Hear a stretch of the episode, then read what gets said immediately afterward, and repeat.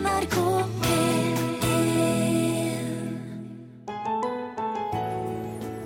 Største leseopplevelse var når jeg leste The Old Man and the Sea av Ernest Hemingway.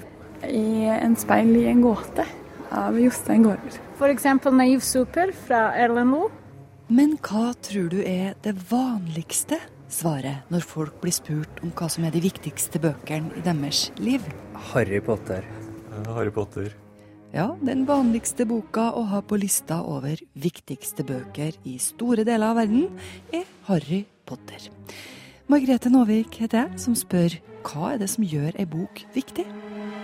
Når jeg ser på denne lista, så tenker jeg at eh, det er mye litteratur med de store spørsmål. Ja, i, i 'Ringenes herre' og for så vidt Harry Potter og uh, 'The Hunger Games'. Så er det de store spørsmål. Det er det gode og det onde, og, og liv og død, og hat og kjærlighet. Og om ikke vi kan svare på de store spørsmål her hos oss, så kan vi iallfall stille dem. Det kommer gjerne noen ting ut av det også. Vel møtt til en time mellom himmel og jord. Livet er jo ikke bare dans og ping-pongballer, for å bruke det uttrykket. Jeg tror vi trenger noe mer enn akkurat det. Hm.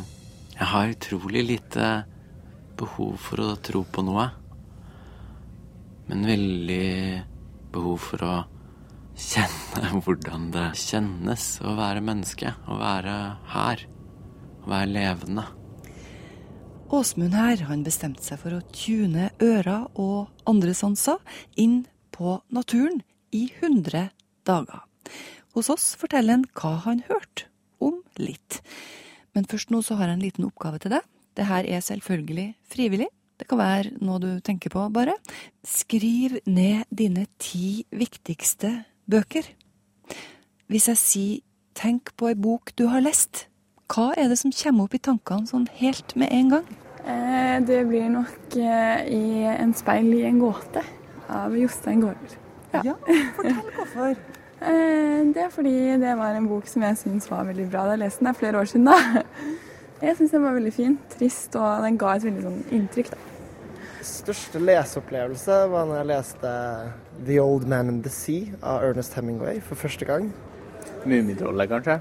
Ja, ja. Nevn én historie. Den du husker best. En detaljert historie? Er det Ja, det var kommer, på kommer, ja. Det var absolutt den, ja. Supersommer. Det handler om en jente som er veldig forvirra i kjærligheten. Var det litt sånn gjenkjennelig, eller? Ja. Enn du, da? Jeg husker ikke helt hva den heter, men det handla i hvert fall om at det, det var tremenninger som hadde funnet seg en egen øy som eh, det ikke foreldrene visste om, og de rodde ut og overnatta der. Så var det veldig masse skumle ting som skjedde.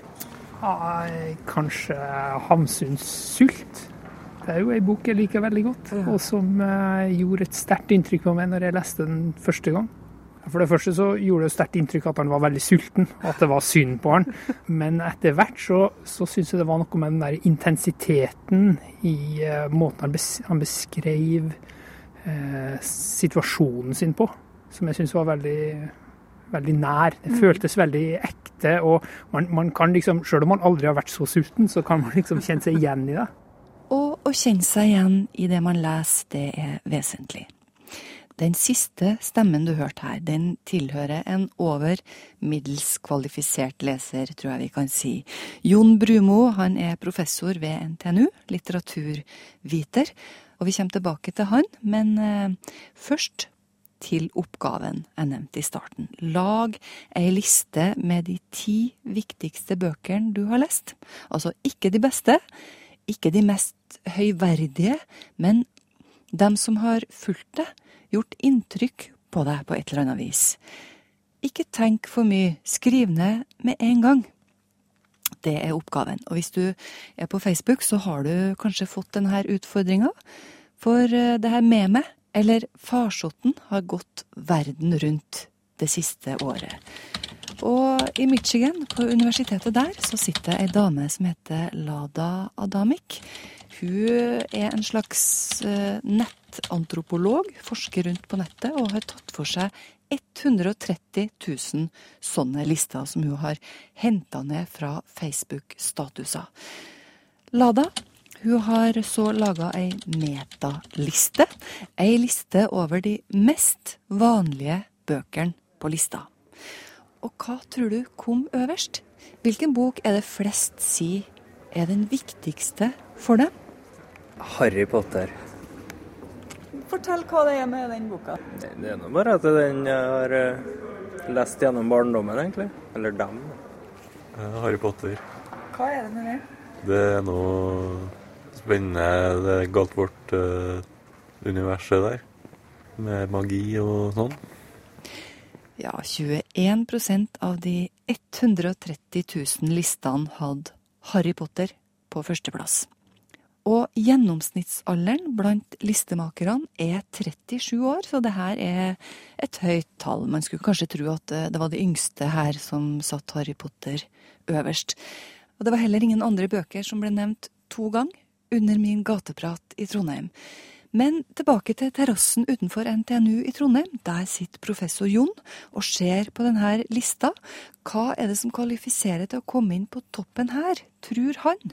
Noe som er karakteristisk for den gode litteraturen. Det føles som at du har opplevd det her sjøl. Det som blir anerkjent som god litteratur av mange, det blir det nettopp fordi at man evner å beskrive livet på en måte som mange kan kjenne seg igjen i. Mm. Og sånn, sånn, er det med de store forfatterne, tror jeg. Sånn som Hamsun og Ibsen og ja, Shakespeare og hvem som helst. Men hva tror du om den lista her nå? Er det er det først og fremst god litteratur? Er det først og fremst gjenkjennelse? Hva er det som gjør at folk kommer opp med den Harry Potter, da? Som er ja, når jeg ser på denne lista, så tenker jeg at um, det er mye litteratur med de store spørsmål i. Liksom. Det gode mot det onde. Um, jeg tenker sånn som i, ja, i, i 'Ringenes herre', og for så vidt Harry Potter og uh, The Hunger Games så er det de store spørsmål. Det er det gode og det onde, og, og liv og død, og hat og kjærlighet. Mm. Og, og, det er klart at det er spørsmål som mange kan forholde seg til og, og, og lese sin egen situasjon inn i. De 130 000 listene Lada har tatt for seg, er fra mange forskjellige land, i hovedsak USA, England og India. Altså er det ingen norske bøker som kommer opp her. Men 'Ringenes herre' er blant de fem man oftest finner på toppen, så også 'Hobbiten'. Jane Austen er på plass med 'Pride and Prejustice', og på sjuende finner vi The Hitchhiker's Guide to the Galaxy. Og så var det sjetteplassen. La oss se litt på den.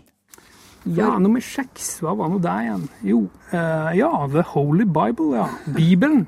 Uh, det er jo ei ganske kjent bok. Mm. De hellige skriftene er jo ofte et fundament for uh, annen litteratur. Og inneholder ekstremt sterke fortellinger. Og, og, fortellinger som vi kan gjenkjenne i mange av, av dagens populære bøker. Mm. Altså, så det er ikke um, lesing av Bibelen. Det er utmerket, enten man er troende eller ikke. Mm. For det går an å lese den som ren litteratur? Uh, ja, selvfølgelig. Man kan jo ikke se bort ifra den historien som Bibelen har hatt, men, men uh, den har så mange kraftige og, og fortellinger i seg som vi i dag kanskje ikke vet at vi bruker og reflekterer over. Mm. Hvilke bøker tror du det er som ikke er med på lista her, fordi det blir litt uh, pinlig? det er jo en kjent sak at mange lister og mye som blir lagt ut på Facebook, det, det er der fordi at man vil fremstå som en uh, klokere og sprekere og finere person enn man egentlig er. Um, men nå var det vel sagt her i denne lista at man skulle skrive ned bøkene man umiddelbart tenkte på, og man ja. ikke hadde lov å, tenke seg om. og så og så, Men man, det kan nok hende at noen har tenkt seg litt om likevel. um, jeg tror at først og fremst så leser man bøker fordi at man liker å lese bøker, og man liker å leve seg inn i noen andre sitt liv, og man ønsker å se verden en ny, på en ny måte. Så jeg tror ikke den der sjølframstillings... Uh, dimensjonen er den sterkeste ved lesing. Fordi, fordi lesing ofte er så privat. da. Men, men, det er klart at som med all sånn forbruk, enten det nå er film eller, eller, vin eller mat, så har det en viss sånn derre Det sier et eller annet om oss, da. Så Eh, Man kan jo se i den spalten i Dagens Næringsliv eh, hvor mange som leser ganske gode og høyverdige bøker. Så man kan jo lure på om alt er riktig, da. Hva har du på nattbordet? Ja, ja. Unnskyld? Kan jeg bli med dere opp trappa og så stille dere et spørsmål som fra NRK Radio? Okay. Har du en favorittbok? Favorittbok? Nei, ikke spesiell. Det er ikke en bok du husker som liksom, den boka er viktig, eller var viktig den gangen? Uh, ja, for eksempel 'Naiv super' fra Erlend Loe. Det var min første bok som jeg leste på norsk, så det var veldig fint og koselig. Ja. Men fortell hva det var med Navi super' som gjorde sånn inntrykk på deg? Nei, det er kanskje fordi jeg begynte å lære språket, og det var så stort for meg å lese denne boka og f.eks. en hel bok på et fremmed språk. Og, og i tillegg er det veldig enkelt, men også poenget er veldig klar, og man eh, skjønner på en måte at det dreier seg litt om eh, livskrise og hvordan man takler som årene eller 25 pluss. Oi. Ei bok som har vært viktig for meg. En eh, opprinnelig tysk men, forfatter, men som oversatt til engelsk, som, som døde i bilulykke for en del år siden, som skrev noen fantastiske vandringshistorier jeg ikke kjent på navnet på. Det er så pinlig. Eh, bare Sebalt. Jaha. Egentlig, i stedet for å si bok, så er det på en måte en tre-fire av hans bøker som, som, som har gitt, iallfall de siste ti årene, har, har betydd veldig mye for meg på måten å skrive på. Men hva er det, får du til å formidle hva det er liksom, som skjer når du leser akkurat de bøkene? Det er òg vanskelig, men det er noen ting med å bli sugd inn i den, i den atmosfæren. Og, så det er et litterært univers som, som for meg er ekte litteratur, og samtidig er noe vanvittig realistisk forankra. Det handler jo om å være i verden hele tida, men det handler også om å, om å gjøre noe om språket, vise hvordan vi orienterer oss i, i verden. Så Husker du den første liksom, svære leseropplevelsen din? Ikke svære, men jeg husker på en omtrent noe av det første jeg leste, som, som, som fikk meg til å opp, oppdage hva bok var. Og, og det var vel eh, faktisk noe så, så silly som Gulltoppbøkene, altså, som du kanskje husker på. Det er jo jentelitteratur, egentlig, men faktisk så var det noe av det første jeg leste. Det, Men det er faktisk eh, noe med den lista, at eh, det er en del barnebøker på den lista. Ja. Vi er, det, er jo, det er jo friskt for oss. Så at, I den forstand så er, det, så er det det å bli stilt overfor en ny verden eh, som Og noen annen har produsert en verden for oss som, som vi går inn i. Handler det litt om flukt òg? Nei, det tror jeg ikke. Jeg, jeg tror faktisk ikke så veldig mye det. det er klart at eh, Nei, jeg, jeg tror faktisk ikke det. Jeg, jeg, jeg vet at folk mener at liksom flukt er en, en viktig del av det, men for meg har det iallfall ikke vært noe sånn flukt. For meg har det faktisk mer vært snakk om å lete etter noe som gir, gir mening. Noen som setter, snakker om verden Mm. på, på en måte som åpner øynene i forhold til verden. Det ligger nok ikke i barne... Ikke, ikke bevisst måte i, i, i barnelitteraturen, men, men umiddelbart så er det jo det også, fordi at du får tilgang til noe du ikke får tilgang til Mm. Uten via litteraturen. Mm. Så i den forstand så, så er jo barnelitteraturen veldig viktig som en øyeåpner for det som er utenfor den, den nære sirkelen. jeg. Nemlig. Jeg leser ærlig talt ikke bøker. Har aldri lest. Jeg har lest bøker. Hvilken bok er det du husker først, da, når jeg spør? Rampete Robin da jeg var liten, kanskje. Det var en gutt som var skikkelig rampete.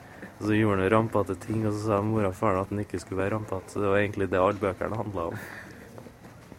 Vi hørte Jon Brumo, litteraturviter, snakke om det å lese, ellers folk på gata i Trondheim. Har du lyst til å si noe om hva som er dine viktigste bøker, så kan du gå inn på Facebook-sida vår, NRK Livet. Av og til, når dagene fylles av alt som må gjøres, når det nesten ikke blir igjen tid til å puste, så kan man jo føle seg som en maskin, som følger en slags instruks. Det er kanskje også det her som gjør at vi melder oss på kurs og lærer oss metoder for å føle at vi mestrer det her livet. Åsmund Seip han er far til to små på fire og fem, og han er poet. Åsmund har sin egen, helt avgiftsfrie måte å mosjonere sansene sine på. På veien hit i dag så gikk jeg litt sakte, jeg hadde litt god tid. Så gikk jeg litt sakte, og så i det, i det på en måte det helt enkle, da, så ser jeg i veikanten en ikke sant, Det er høst, og det er ikke så mye blomster igjen, men det var en nypebusk der med en rose. Og så bøyer jeg meg frem, og så lukter jeg på den. Og så føles det som om det er første gangen i hele mitt liv jeg lukter en sånn rose. Enda du har gjort det 100 ganger før? Jeg har jo det. Mm. Men, Men på en måte så er det første gangen i mitt liv jeg står opp sammen med barna mine og familien min i dag og kan på en måte oppleve dem istedenfor å bare tenke om om dem, på en måte. Tenke om jorda, tenke om månen, tenke om hvordan hvordan er det mulig, hvordan går det an? Så bare gå inn i opplevelsen av det, da. Skru av den bryteren som maser og ber om å forstå hele tida, og så kjenne etter, på en måte. Mer sånn som barn gjør? Ja. De, de, de stopper jo ikke å, sp å spørre om hva som er meningen med den blomsten her, eller eh, med den følelsen de har i kroppen sin til enhver tid. De føler den. Gjør det vondt, så gjør det vondt. sant? Mm. Eh, og er det godt, så er det godt. Jeg har alltid hatt en sånn opplevelse at det må da, det må da være noe mer, liksom. Det må være noe mer enn på en måte den rent logiske forståelsen min av verden rundt meg. Fordi, fordi kroppen min sier meg jo noe annet. Den sier meg jo et føl... Den forteller meg gjennom følelsene og sansene et, et annet språk, en annen eh, måte å være til stede i verden på, da. Ikke sant? Forskjellen på å være i livet og å være levende. Var det da du begynte å eksperimentere for å komme nærmere deg selv? Jeg tenker på det du fortalte meg, at du begynte å snakke med månen og naturen rundt deg på et vis. Er ikke det litt pussig? I tusener av år så har vi mennesker gjort det. Vi har vært i den kontakten. Vi har snakka med alt fra de, det usynlige rundt oss til dyrene, til gresset, til trærne, til fuglene, til været. Og det har vi sluttet med. Ja, jeg, jeg har i hvert fall slutta med det. Ja. Og så har du begynt igjen. Så har jeg begynt igjen. Hva har det gjort med deg? Å, det har åpna opp hele livet, føler jeg. Det begynte med at jeg gikk ut i skogen og satte meg ned under månen og lytta. Og så fortsatte jeg hver dag i 100 dager. Etter at barna hadde lagt seg, så satte jeg meg ned og skrev. Og da hadde jeg gjennom dagen da, hatt ideer. Jeg er jo en kreativt hode og har masse ideer og tror jo ofte at de er gode, og noen av de er kanskje gode. Og hadde en idé om hva jeg skulle skrive på kvelden. Så satte jeg meg ned på kvelden og begynte å skrive, og måtte kaste de ideene. Fordi tekstene ville komme et annet sted fra. Og så skriver du det ned på engelsk. Ja. Hvorfor det? Det var fordi jeg, det, det gir meg den distansen som jeg har trengt for å kunne skrive det. Men også fordi at jeg, jeg, jeg skriver til mennesker på hele kloden. Det, på en måte så er det noe av det som er så fantastisk med internett, da, for eksempel. Skal vi ta en smakebit? You try to hold your breath to hear better, but the ground, the birds, the aspen leaves show you a different way of Du prøver å holde pusten for å høre bedre. Men jorda, fuglene og ospeløvet viser deg en annen vei. En pust du kan følge. En rytme du kan falle inn i. Og du faller. Og du puster. Og du hører hva hun sier. Du er, sier hun. Du er verdifull. Du er nok.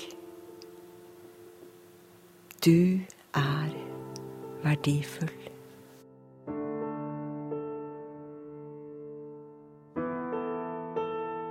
For meg så, det hele, så oppleves det hele som å huske noe som jeg på en måte har glemt.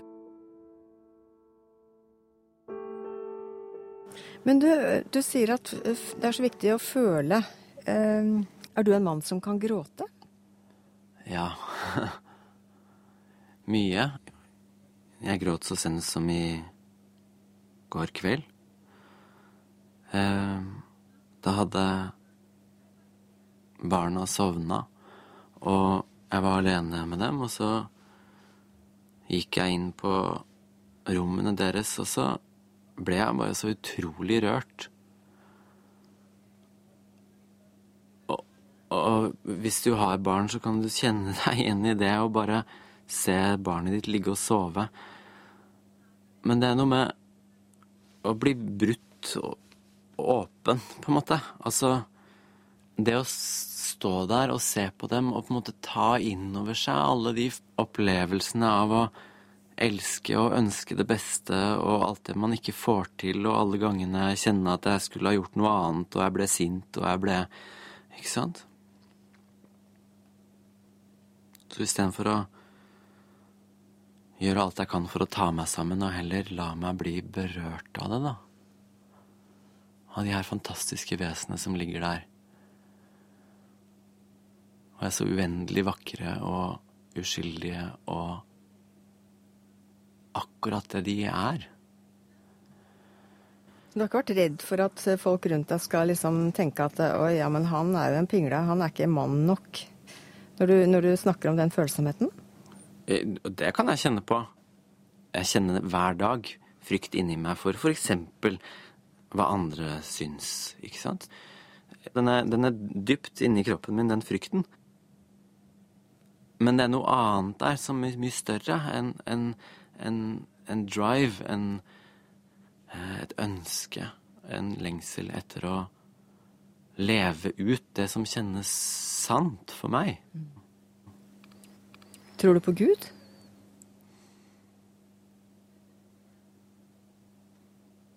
Eh, jeg føler at vi har snakka om Gud hele tida nå, jeg. Um, jeg føler at vi snakker på en måte ikke om noe annet når vi går inn i det landskapet her. Men ikke Gud som et eller annet utenfor meg, men som et bilde på den delen av oss som er Som henger sammen. Med alt. Med hverandre. Det som er her hele tida. Mens alt annet kommer og går, på et vis. Det sier Åsmund Seip til reporter Miriam Wiklund. De her samtalene, som han kaller det da, som han hadde hver kveld under måneden i 100 dager, de har nå blitt til bok. Den kommer ut i høst og skal hete 100 Days for the Earth. Er det greit å tulle med religioner og livssyn? Ja, noen mener at ikke bare er det greit, det er helt nødvendig. Det syns antagelig Didrik Søderlind i Human-Etisk Forbund også. Han er ateist og vil at folk skal tulle mer med nettopp ateismen. Det vi etterlyser, er vitser, eh, morsomme historier om eh, folk som meg. Folk som ikke tror på Gud. Humor som går på, går på bekostning av mitt livssyn. Noe som, noe som lar meg få gjennomgå. Og som tar eh, de som ikke tror på Gud, på kornet. Ja, som tar oss på kornet, gjør litt narr av oss, jekker oss litt ned. Som jeg skrev i spalta mi i Vårt Land, så vi er minst like dumme og fordomsfulle og håpløse som det de religiøse folka er. Vi burde være lette skyteskiver. Så du har altså etterlyst dette i din spalte i Vårt Land. Ja. Har du fått noen reaksjoner? Jeg har fått massevis av reaksjoner, og jeg vil si nesten utelukkende positive. Både fra ikke-troende og fra troende, som syns at dette er en, en artig ting. Eh, og jeg skal jo ikke legge skjul på at jeg blir glad hvis vi vinner. Fordi det hadde jo vært fantastisk hvis vi var best på å fortelle vitser om oss sjøl. Akkurat som det er ingen som slår jødene på jødevitser. Det er ikke snakk om selvpisking, det er mer et ønske om å gjøre humanismen bedre. Hvem har sendt inn de morsomste hittil? Det har vært mye bra, faktisk. Eh, alt fra ganske eh, morsomme historier til sånne skikkelig blaute ordspill av den typen som jeg virkelig bare elsker. Kan du røpe igjen? Jeg kan dessverre ikke det, for det ville vært dårlig gjort. Vi må vente til kåringen før du vil røpe. Ja, vi må ja, nesten inn noen morsomme? Hvem burde jeg dra til nå? Jeg vil jo si at Ervin Kohn, eh, forstander i Mosaiske trossamfunn, har gjort en eh, solid innsats. Men han Altså, er en veldig morsom mann. Ja, han er en veldig morsom mann. Jeg er alltid seriøs, men aldri alvorlig. Utenom i to tilfeller, og det er oppsigelser og dødsfall. Litt vanskelig for, eh, for nordmenn sånn i det daglige, eh, nettopp fordi at vi kobler ikke helt at det går an eh, å være seriøs med glimt i øyet.